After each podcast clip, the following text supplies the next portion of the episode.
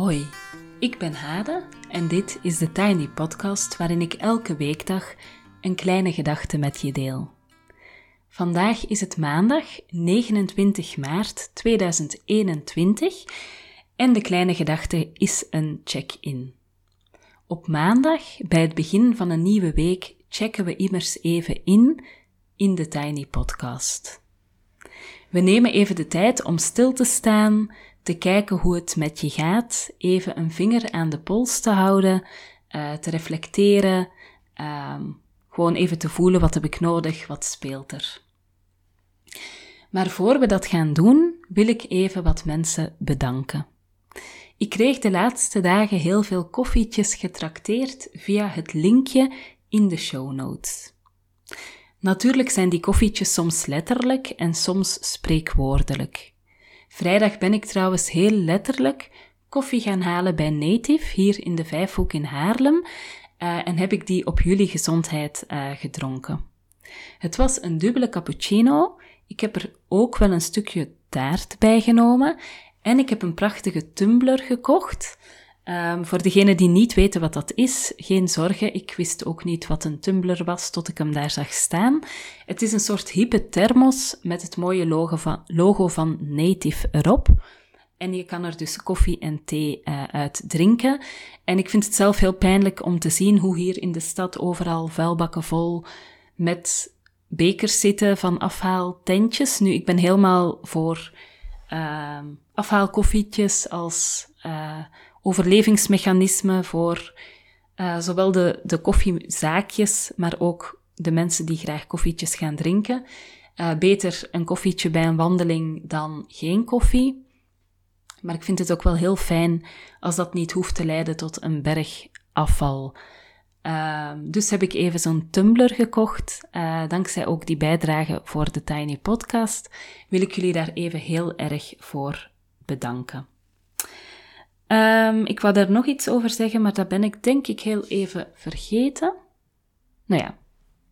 Oh ja, wat leuk is aan die tumbler, nu ik ben helemaal geen specialist met hypothermossen, uh, maar er zit een soort van zeefje in wat je erin kan klikken. Dus als je bijvoorbeeld gemberthee maakt met stukjes gember erin of iets met andere kruiden, dan kan je uh, dat zeefje erin klikken en dan kan je dus je thee uitschenken en dan blijven die stukjes gember bijvoorbeeld netjes achter dat zeefje. Dus ik ben helemaal happy met mijn uh, tumbler.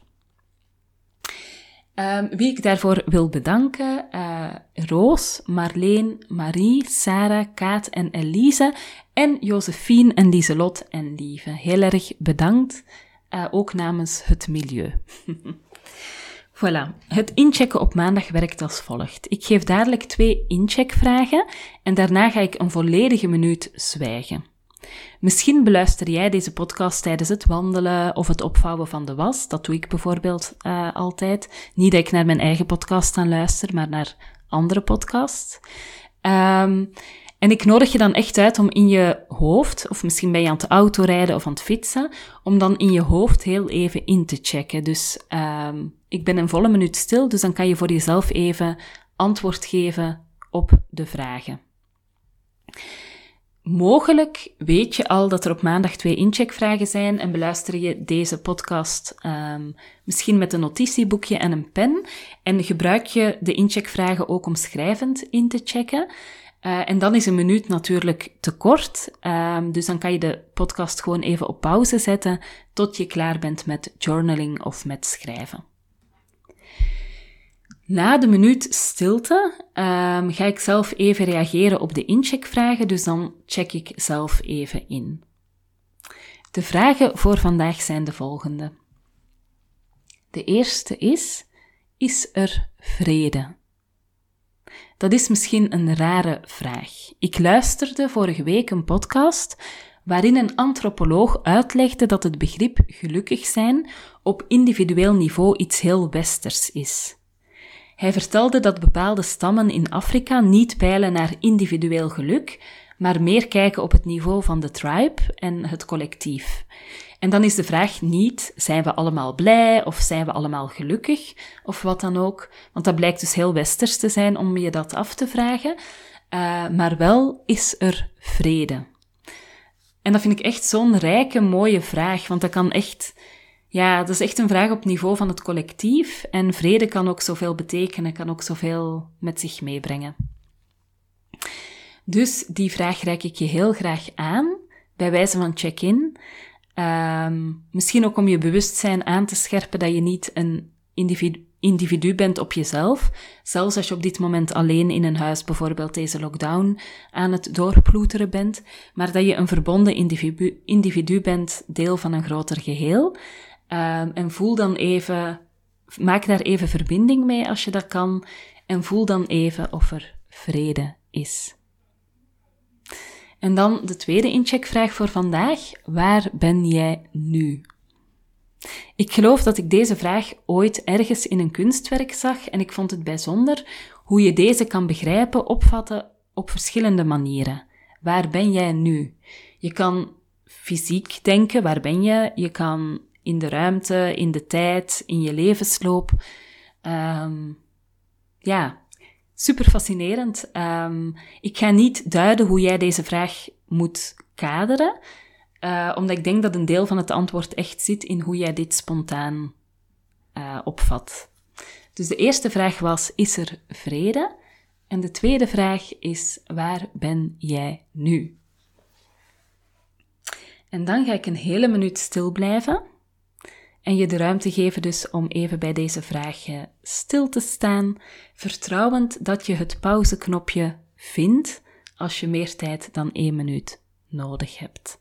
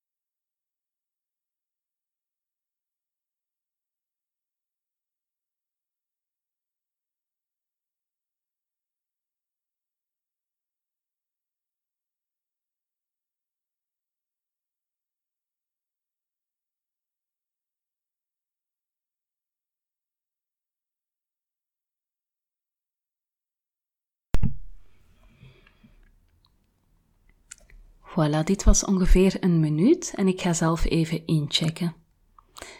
Is er vrede? ik vind het zelf echt een heel uitdagende vraag. Wat ik merk is dat er heel veel is en sommige dingen zijn er niet of niet voldoende. En als ik zo denk aan die vraag van is er vrede, dan heb ik een beeld van een mengpaneel in mijn hoofd waar heel veel knopjes op zitten en dat sommige knopjes niet goed of nog niet goed afgestemd zijn om volmondig ja te kunnen zeggen. Ik mis bijvoorbeeld echt een tribe. Ik vind ons idee van een kerngezin waarin allerlei functies moeten vervuld worden, tot dit jaar het thuisonderwijs aan toe, echt hopeloos.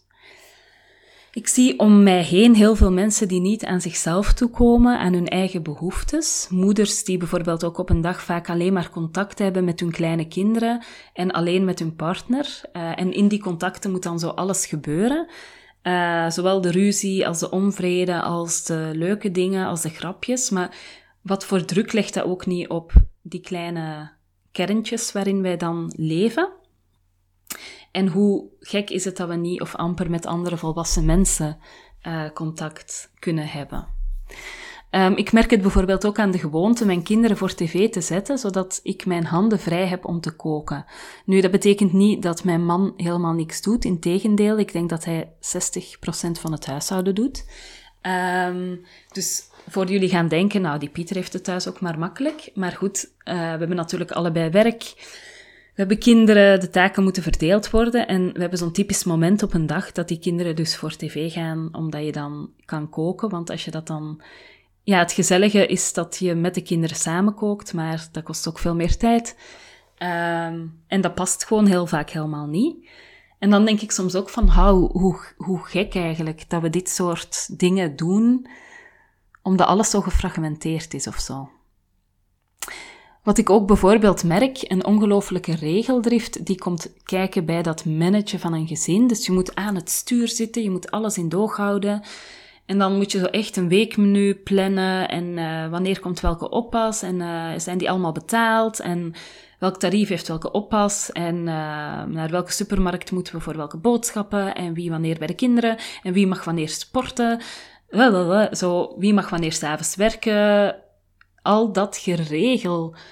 Ja, dat vind ik echt. Soms denk ik echt, hoe absurd is dit? Dat wij dit allemaal zo moeten doen.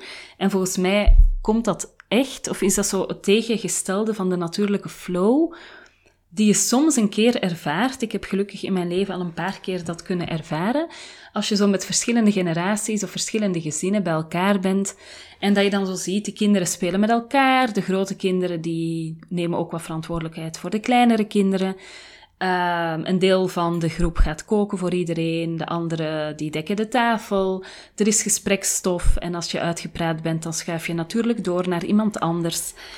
Um, ja, dat vind ik zo'n veel natuurlijker um, zijn dan hoe wij op dit moment in onze kerngezinnetjes meer dan ooit door corona moeten leven. Is er vrede? Um, een tweede element, dus als ik zo naar mijn mengpaneel kijk, um, wees gerust, ik ga ze niet allemaal beantwoorden. Um, ik merk soms dat ik me in een soort van netwerk bevind of begin te bevinden met allerlei mensen die elkaar ook stilaan online vinden en kennen. Uh, en ik heb de laatste tijd echt zo vaak een ervaring dat ik denk, huh, kent die die ook en kent die die ook? En ik vroeg mij laatst af van, ben ik misschien in een bestaand netwerk gestapt? En ik heb dat even aan een paar mensen gevraagd van, oh, kenden jullie elkaar misschien allemaal al? Uh, en toen ontdekte ik dat heel veel mensen die dan bijvoorbeeld samen in mijn cursussen hebben gezeten, dat die contact houden en dat er op die manier een soort van netwerk ontstaat. En dat vind ik eigenlijk een heel mooi idee, dat dat zo rond mijn cursussen, rond mijn cirkels, rond de podcast aan het groeien is. En dat voelt zo heel kloppend, heel juist en heel rijk, heel vredeachtig. Nog een keer, is er vrede? Um, op een manier, ik begin het thuis met de kinderen uh, eindelijk minder zwaar te vinden dan dat ik het leuk vind. Uh, als je je even voorstelt, ik heb een tweeling van twee jaar, moet ik misschien nog even vertellen voor degenen die het niet weten. Um, en dat heb ik echt heel pittig gevonden, uh, zowel de zwangerschap als natuurlijk de eerste jaren die nu voorbij zijn. En stel nu dat je twee schalen ziet van 0 tot 10, dan heb ik het heel lang 9 gegeven als ik dan mocht aangeven hoe zwaar ik het vind. En 7 voor hoe, hoe leuk ik het vond. Dus als je zo twee schalen hebt, leuk en zwaar, dan zat ik op 9 en 7. Nu, 7 is absoluut niet slecht. Maar die 9 overschaduwde dat gevoel zo erg. En nu heb ik het gevoel dat dat zwaar, ik weet niet wat er gebeurt, ik denk omdat de meisjes wat groter worden, dat dat zware naar zeven of zes aan het zakken is en dat dat leuke daardoor ook naar een acht of zelfs soms een negen kan. En dat geeft mij een heel fijn gevoel. Alsof ik niet meer heel de tijd zo geklemd zit met mijn eigen basale behoeftes en verlangens naar tijd, slaap, orde, tussen zo die veel te overweldigende gevoelens en behoeftes van de kinderen. Um, en dat toont zich zo in heel kleine elementen. Hè? Zo net zitten en dan heeft er weer iemand gepoept en moet je een luier gaan verschonen. Of net zelf aan tafel gaan zitten en moet er nog iemand drinken. Of naar het toilet. Of zo dat gejaagde dat je nooit een keer gewoon kan gaan zitten en genieten van het moment, omdat er altijd iemand iets nodig heeft dat is er nog altijd heel erg, maar toch nog net iets minder stilaan dan bijvoorbeeld twee maanden geleden. En dat geeft mij wel een soort van vrede. Dus is er vrede? Uh, ik heb drie elementjes genoemd van het mengpaneel en ik zou er nog tien kunnen noemen. Er is vrede, maar niet genoeg, maar er is wel vrede. En de tweede vraag, waar ben je nu? Uh, had ik echt zo bijna letterlijk het gevoel dat ik even ging uitzoomen. Zo bijna tot in de, ja, ergens in de lucht. En toen had ik daar ook echt een aha-erlevenis bij. Ik ben in een jong gezin. Ik ben in een stad in Nederland, Haarlem, waar ik nu vier jaar woon. Uh, in een land waar ik niet geboren ben, want ik ben Vlaams. En de grenzen met mijn thuisland zijn zo goed als dicht. Ik ben ook in de fase van een startend bedrijf, anderhalf jaar ongeveer op dit moment. En ik ben in een tijd met een pandemie. Ik merk plots dat alle eisen en verwachtingen die ik heb ten opzichte van mezelf totaal niet passen bij waar ik nu ben. Bijvoorbeeld de eis of de verwachting dat ik, omdat ik best veel werk en hard mijn best doe, dat ik ook echt kan leven van mijn bedrijf.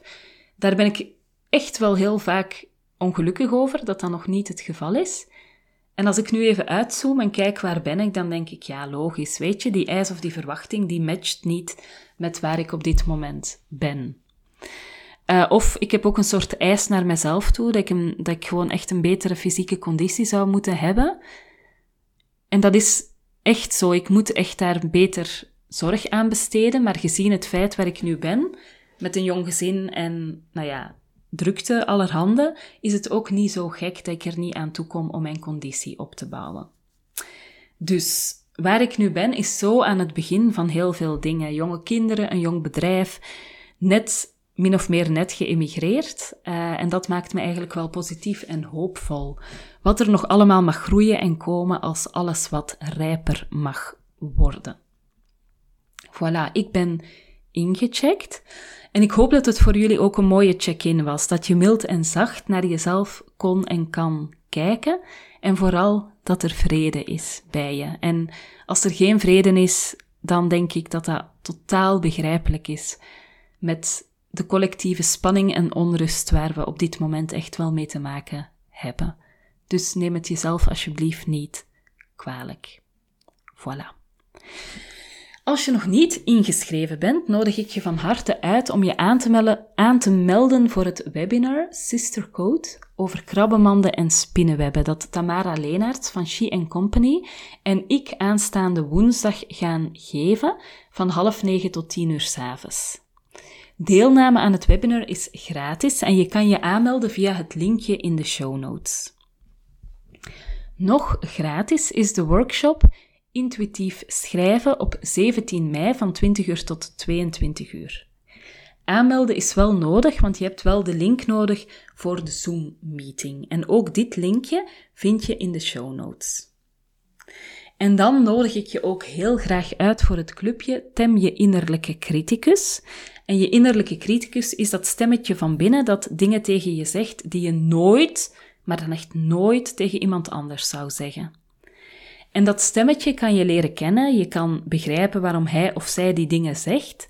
Je kan dat stemmetje ook wel wat geruststellen en zorgen dat hij zich of zij meer koest houdt, zodat jij wat meer voluit kan leven. Dit clubje begint eind april. De link staat in de show notes en je bent echt heel erg welkom. De meetings zijn op 27 april, 4, 11, 18 en 25 mei telkens van 20.30 uur tot 21.30 uur en uh, tussendoor krijg je dus opdrachten in de online omgeving. En in die uh, meetings hebben we het over die opdrachten, niet om te controleren heb je je huiswerk gemaakt, maar wel om te kijken van wat die opdrachten bij jou hebben wakker gemaakt of uh, teweeg hebben gebracht of welke inzichten dat er ontstaan zijn. Tot zover de Tiny Podcast voor vandaag. Je kan me volgen op Instagram, TheTinyPodcast. Je kan je via zo'n podcast-app abonneren en dan komt de nieuwe Tiny Podcast altijd vanzelf in je overzicht. Lekker makkelijk. Hoef je er alleen maar op te klikken. Um, en ik vind het ook heel fijn als je de podcast doorstuurt naar iemand die mogelijk ook van deze podcast houdt of die er mogelijk iets aan heeft. En het is ook fijn als je hem of ja, als je de podcast kan delen op social media. Ehm, want op die manier kan de podcast ook weer wat groeien en wat nieuwe mensen bereiken. Ik wens je een heel fijne dag, heel veel goeds en vooral vrede.